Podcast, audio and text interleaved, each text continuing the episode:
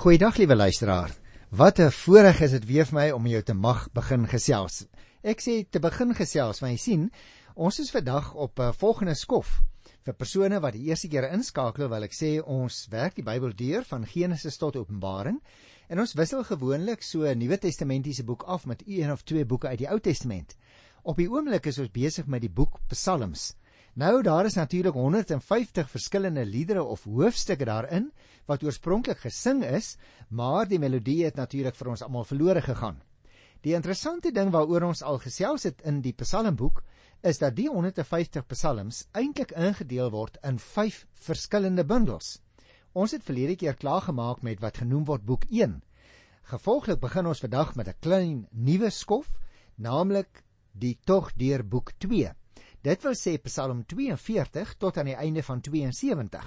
Nou natuurlik doen ons maar net so een of twee psalms op 'n keer en vandag gaan ons gesels oor Psalm 42 en 43. Nou 'n mens kan natuurlik oor verskillende aspekte gesels, maar ek wil tog weer 'n paar inleidende opmerkings maak voordat ek by die spesifieke psalms kom vandag. Jy sien, die psalmboek bestaan uit liedere wat elkeen op hulle eie 'n bestaansreg het. Die liedere kom uit verskillende tye in die geskiedenis van Israel en daarom dateer dit selfs eeue uitmekaar. Hulle is vir situasies geskrywe soos byvoorbeeld gebedstye of die pelgrimsdog of oorlogstye en daarom adem elkeen van die 150 psalms 'n baie spesifieke atmosfeer. So is daar 'n hele klomp psalms byvoorbeeld wat deur koning Dawid gekomponeer is. En hoewel altesaam 73 psalms met Dawid se naam bo aan in die Bybel geskryf is, is daar 'n hele paar wat nie regtig deur hom geskryf is nie. Hierdie psalms verwys na omstandighede lank nadat Dawid reeds dood was. Byvoorbeeld Psalm 72 en ook Psalm 127 dra sy seun Salomo se naam. Psalm 90 byvoorbeeld word selfs aan Moses verbind. Ander word weer verbind aan die Koragiete wat in Salomo se tyd by die tempel gewerk het. Nog ander psalms kom van die Asaf tempelsangers. 'n Tweede opmerkingie. Die psalms is met verloop van tyd in kleiner versamelings bymekaar gemaak. Nou is dit nie altyd presies duidelik wat bepaal het dat 'n psalm in 'n bepaalde versameling opgeneem is nie. Die psalms is dikwels vir die verskillende byeenkomste by die tempel gebruik. Die psalmbundel het egter eers in die tyd van die tweede tempel, dit wil sê na die jaar 516 voor Christus toe die tweede tempel voltooi is, sy finale vorm en beslag gekry. Die bundel is ook eers in daardie tyd in 5 dele waarna ek net verwys het verdeel om ooreen te stem met die 5 dele van die wet in Genesis tot Deuteronomium. Psalm 1 en 2 byvoorbeeld is toe heel aan die begin geplaas as 'n inleiding tot die boek. Nog 'n laaste opmerkingie. Daar is altesaam 44 psalms waarin 'n individu sy hart voor die Here uitstort. Met ander woorde, 'n persoon wat nie altyd genoem word nie, bepleit sy nood voor God.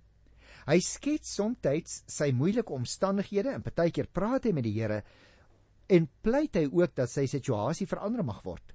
Hy spreek ook gewoonlik die oortuiging uit dat God dit sal doen. Hy loof die Here omdat hy so goed is. Ander psalms van hierdie soort behalwe 42 en 43 wat ek nou nou gaan bespreek is by so byvoorbeeld Psalm 3 en 5 6 en 7 Psalm 22 is 'n voorbeeld 25 en 26 ag daar's eintlik 'n hele klomp. Wat vir my opval is dat die grootste konsentrasie vir hierdie tipe psalms in die eerste deel van die psalmboek voorkom. Nou ja, goed, liewe luisteraar, as ons nou kyk na Psalm 42 en 43, dan wil ek dadelik vir jou 'n baie interessante kenmerk hiervan uitwys. Want hierdie psalms word dikwels aan mekaar verbind.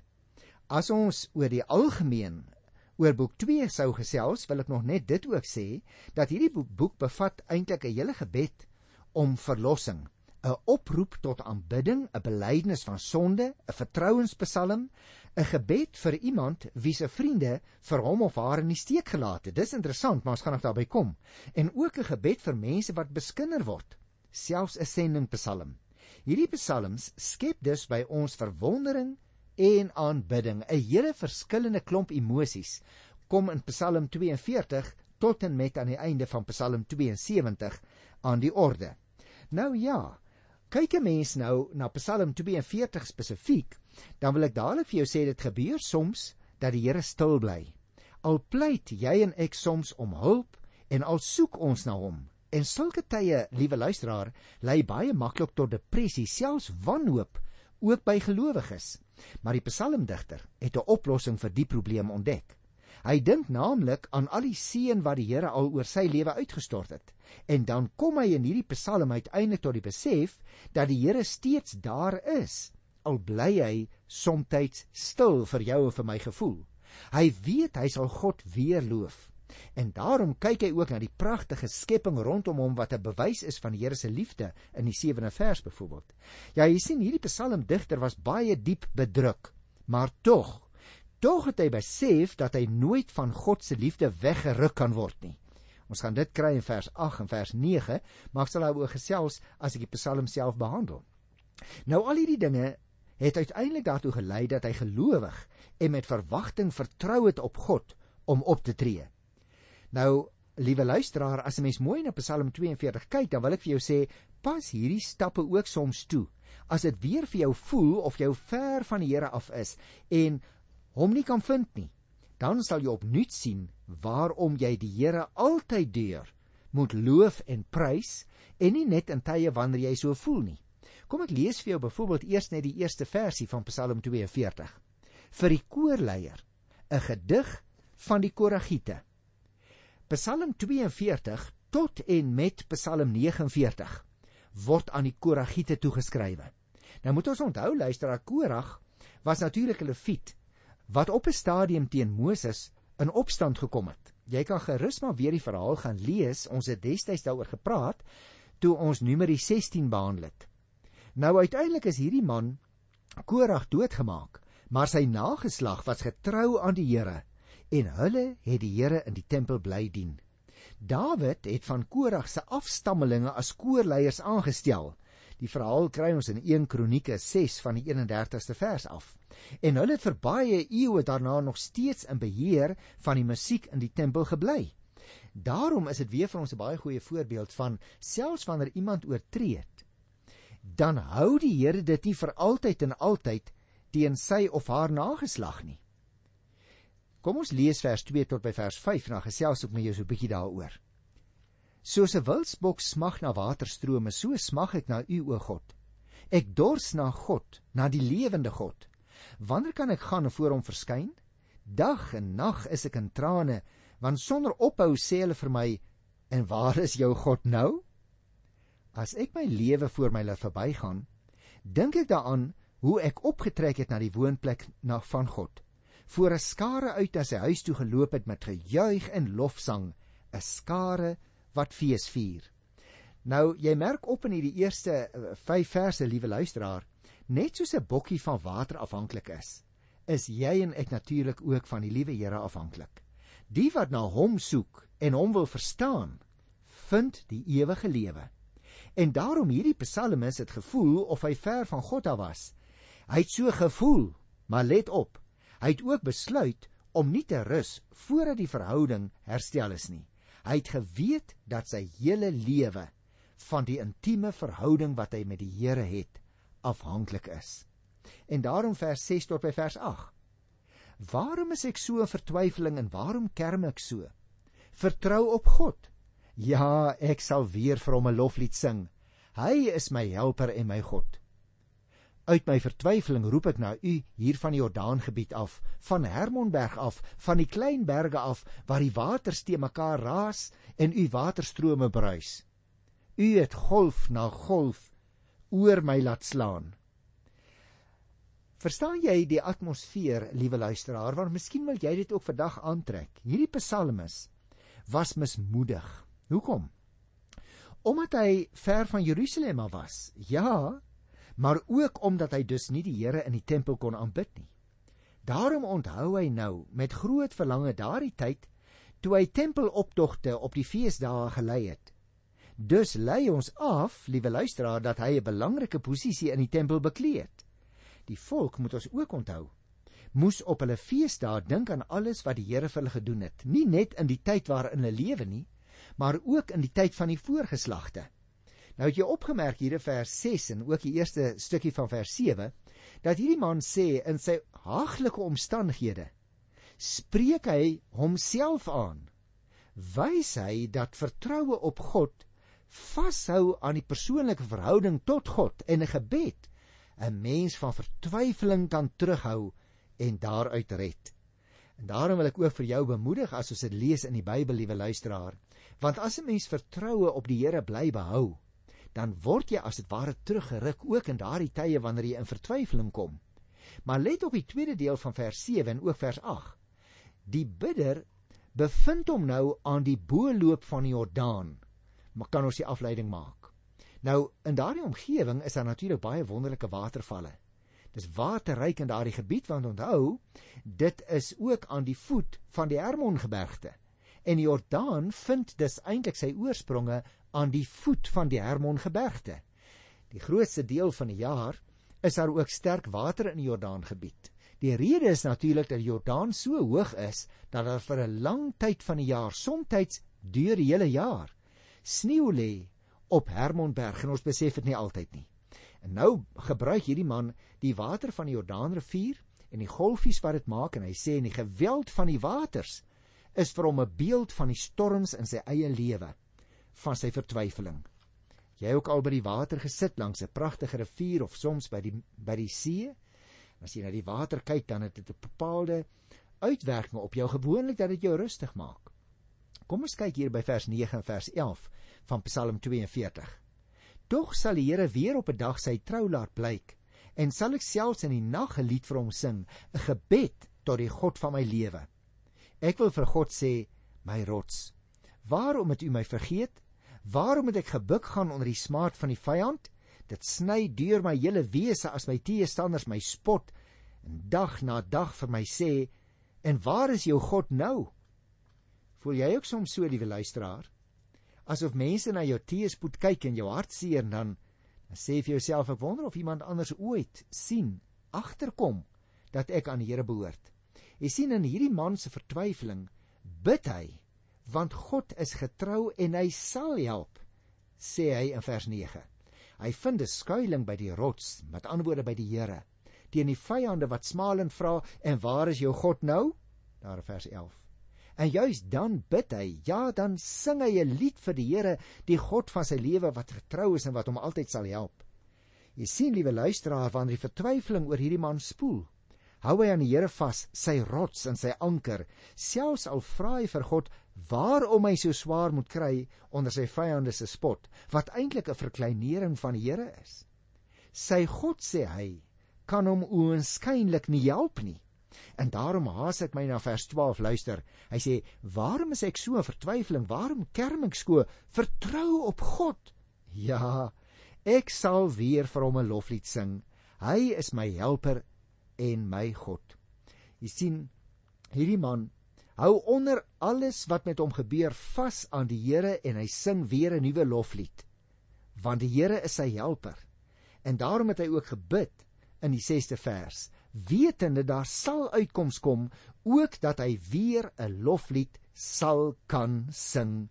So eindig hy in die 12de vers. Maar ek het vir jou gesê vers 42 en 43 word baie dikwels as 'n een eenheid behandel. Nou in vers 43 kry jy 'n ander heeltemal 'n ander atmosfeer. Die atmosfeer word saamgevat in die opskrif: Stuur u lig en u waarheid. En daarom moet ons 'n bietjie na hierdie Psalm kyk, want die vraag is nou, waarom is daar nou vertwyfeling? In die vorige hoofstuk, naamlik Psalm 42, partykeer praat ons daar soms ook van as hoofstukke, hè. Het die vraag gevra mens, waarom so in vertwyfeling? En hy borduur voort op dieselfde tema in Psalm 43. Daarom het ek vir jou gesê dit word dikwels as 'n een eenheid beskou. Luister byvoorbeeld na die eerste 2 verse in Psalm 43. Laat tog reg aan my geskied o God. Behartig tog my saak teen 'n godlose bende. Red my van vals en misdadige mense. Net U is my skuilings, my God. Waarom verstoot U my dan? Waarom moet ek gebuk gaan onder die smaad van die vyand? Voel jy dalk ook vandag so, liewe luisteraar? Dan wil ek vir jou sê, trek Psalm 42 en 43 aan soos 'n jas. Verklank daarmee in die woorde wat dit sê, ook jou gevoel teenoor die Here. Want in hierdie eerste 2 verse bid die digter dat die Here sy regsaak teen sy vyande moet behartig. Hy pleit dat die Here moet reg spreek. Onthou ons het iets ook daarvan gekry in die 9de vers van Psalm 7. Met ander woorde dat die Here moet ingryp in die saak tussen hom en sy vyand. Luister na vers 3 en 4. Stuur u lig en u waarheid dat die my lei en bring my na u heilige berg na u woning. Laat my ingaan na die altaar van God, die God oor wie ek wil jubel en juig dat ek u kan loof met die lier, o God, my God. Kom jy agter? Daar's 'n verhouding tussen hom en die Here, hoewel hy nou so bietjie in twyfel is oor die Here, praat hy steeds van o God, my God. Dis ook interessant in die 3de vers dat die heilige berg natuurlik verwys dit na Sion. Dis 'n ander naam ook soms vir die hele stad Jerusalem, die hoofstad van Israel van destyds. Die tempel het natuurlik op 'n berg in Jerusalem gestaan en dit is as die heilige berg gesien in Ou Testamentiese tye. Hoekom? Omdat die mense God daar ontmoet het by die tempel en hom daar ook op 'n baie intieme manier aanbid het. Daarom in hierdie vers 3 en 4 het die psalmis die Here gevra om hom met sy lig en sy waarheid na die tempel toe te lei sodat hy die Here daar kon ontmoet. Jy sien liewe luisteraar, God se waarheid en onthou in 1 Johannes 2 vers 27 word daar ook gesê die Here is waarheid. God se waarheid is die pad wat jy en ek moet loop en sy lig wys vir ons die pad aan. As jou lewe dalk op die oomblik vol onsekerheid en donkerte is, volg die Here se lig en sy waarheid en jy sal weer by hom uitkom. Hy, die psalmis, bid om God se lig. Want jy sien, hy vra daarom eintlik om die Here se genade. Luister hoe sluit hy af. Hy sê: "Waarom is ek so in vertwyfeling en waarom kerm ek so? Vertrou op God. Ja, ek sal weer vir hom 'n loflied sing. Hy is my helper en my God." Baie skrifkenners beskou hierdie Psalm as deel van Psalm 42 en juis op grond van sy inhoud en sy opbou. Daarom het ek nou vir jou gesê mense moet eintlik al twee hierdie psalms saam lees. Nou ek wil nog so 'n bietjie met jou daaroor gesels want wat beteken dit nou in die praktyk vir jou of vir my? Ag liewe luisteraar, dis my altyd so wonderlik dat die Here sy eie woord vir ons in die Bybel laat opteken het. En is net so wonderlik dat die Here in die Bybel ook oor jou en my laat skryf het. Jy sien hy skryf groot en mooi dinge oor sommige van sy uitstaande kinders en geloofshelde. Dis waar ja, maar wie jy, dis nie al nie. Ook van jou en my, ons gewone ouens wat baie keer so sukkel en worstel op die pad van die geloof. Ook oor ons is die Bybel vol. Daarom is Psalm 42 en 43 vir ons so belangrik, want jy sien hierdie twee psalms is eintlik maar een lied. 'n lied wat vertel van 'n doodgewone gelowige ou mensie op die pad van die geloof. Somstyds as jy self en ek ook ver van die huis af is, dan ervaar ons ook wat in die tweede versie van 42 staan. Soos 'n hert wat smag na waterstrome, so smag my siel na U o God. Natuurlik 'n hert is so 'n ou klein wilsbokkie.